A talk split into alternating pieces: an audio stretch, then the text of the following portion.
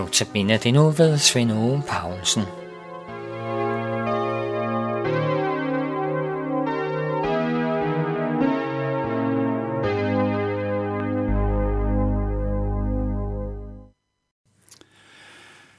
De vers, vi skal have foran os i denne uge, starter alle med ordet særlig.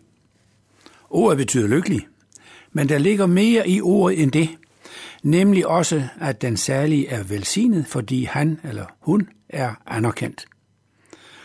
Om ordet velsignet skal jeg nævne, at ordet egentlig betyder at sige godt om, at ønske godt for. Og der ligger i den betydning, at man ønsker godt for vedkommende, fordi han eller hun er anerkendt, er godkendt. Et menneske kan godt velsigne Gud. Der ligger her i så, at det menneske anerkender Gud, siger godt om Gud, lovpriser ham. Men når Gud velsigner et menneske, ligger det på samme måde det i velsignelsen, at Gud anerkender det menneske. Gud ser ned til det lille menneske og godkender ham eller hende. Særlig prisningerne er, kunne man egentlig sige, hemmerigets normer for den, der skal opholde sig der i hemmeriget. Altså de åndelige egenskaber, en Jesu disciple skal have for at komme ind efter Jesu opfattelse. Og det er jo ham, der bringer disciplen ind i hemmeriget eller i givet fald afviser ham eller hende som en falsk disciple, som man kan læse det i bjergprædningens afslutning. Jamen, jamen, skal et menneske have gjort sig særlig egnet for at komme ind i himmeriget, skal det kunne leve op til himmerigets normer. Det vil sige, at det skal have de åndelige egenskaber, som efter Jesu vilje bringer ham eller hende ind i himmeriget. Her må virkelig være noget at leve op til. Så vi må hellere komme i gang, hvis vi nogensinde skal nå det mål. Men nej, sådan er det jo ikke. Og det bliver man klar over ved netop læsningen af saligprisningerne. At her kommer det slet ikke an på det enkelte menneskes kunden og vilje, men det menneskes tilhørsforhold til Jesus. Det er ham, og ham alene, der bringer disciplen ind i særligheden. Der er i alt otte særlige prisninger. De indeholder alle løfter, og det, der loves, vokser ovenud af den særlige pristes sindelag.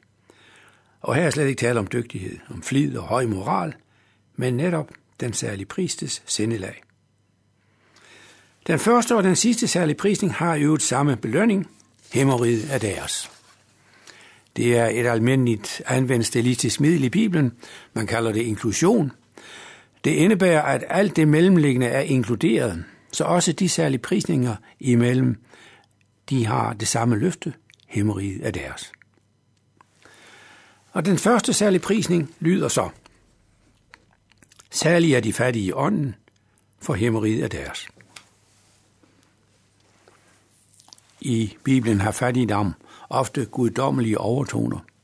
I Gamle Testamente er Guds folk ofte omtalt som de fattige. De har kun lige kunnet overleve. De var i nød, der ofte skyldes undertrykkelse af nogle magthavere, og derfor hænger ordet fattig på hebraisk ofte sammen med at være ydmyg, at være beskeden. I Esajas 57:15 står, Dette siger den højt ophøjet, som troner for evigt, og hvis navn er hellig. Jeg bor i det høje og hellige hos dem, der er knust, den hvis ånd er nedbøjet. Esajas 66, står, Det er den hjælpeløse, jeg ser til, den modløse og den, der skælver for mit ord. Og fattigdom i særlig prisningen her er netop denne tilstand, den knuste ånd, den hjælpeløse, der skælver for Guds ord. Fordi vedkommende åndelig tal er gået for lidt. Man kan ikke selv leve op til det, at være den højt ophøjede nær. Min egen værdighed slår ikke til, slår ikke til over for Gud. Egentlig er det den dybeste form for anger, fordi man indser sin situation som menneske. At du er syndig, oprørsk, og fuldstændig uden de moralske kvaliteter, der kunne gøre en, en acceptabel for Gud. Jamen, sådan ser vi jo ikke på os selv. Jeg personligt har da svært ved det.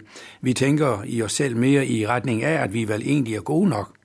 Vi er da slet ikke værre end andre mennesker.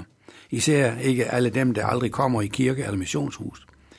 De lever et helt værtsligt liv uden tanke for Gud. De kan bestemt have problemer, men der er ikke mig så meget. Og så ved vi jo endelig også, at Gud er tilgivende, og ja, han har sagt, det er jo det, vi har ham til. Hvis jeg bekender mine sønder, så tilgiver han. Det er mekanismen. Ja, vi forstår let denne overfladiske indstilling, hvor Guds frygt siver ud af os. Gud bliver en tilgivelsesautomat, og jeg kan godt synde lidt sådan til husbehov. Men kære lytter, vær endelig opmærksom på, at dette at synde med vilje er så farligt. Hvis en kristen synder med vilje, så vender han, hende, vender han eller hende vedkommende ryggen til Gud. Og for at komme i nærheden af Gud igen, skal man vende om. Men omvendelse er aldrig i din egen hånd. Du kan ikke selv bestemme, at nu vil du vende om. Omvendelse er altid i Guds hånd. Så farligt at synde bevidst, og egentlig også så nemt. Det er væsentligt, at vi bliver klar over, hvor uformående vi er i, os selv, i frelsesmæssig henseende. Hvor let vi kan komme på afveje, hvor let vi kan blive som de værstlige, og ikke være særlig fattige i ånden. Men det er det, særlig prisningen lyder. Særlige er de fattige i ånden. Himmeriget er deres. Vi fortsætter derfra i morgen.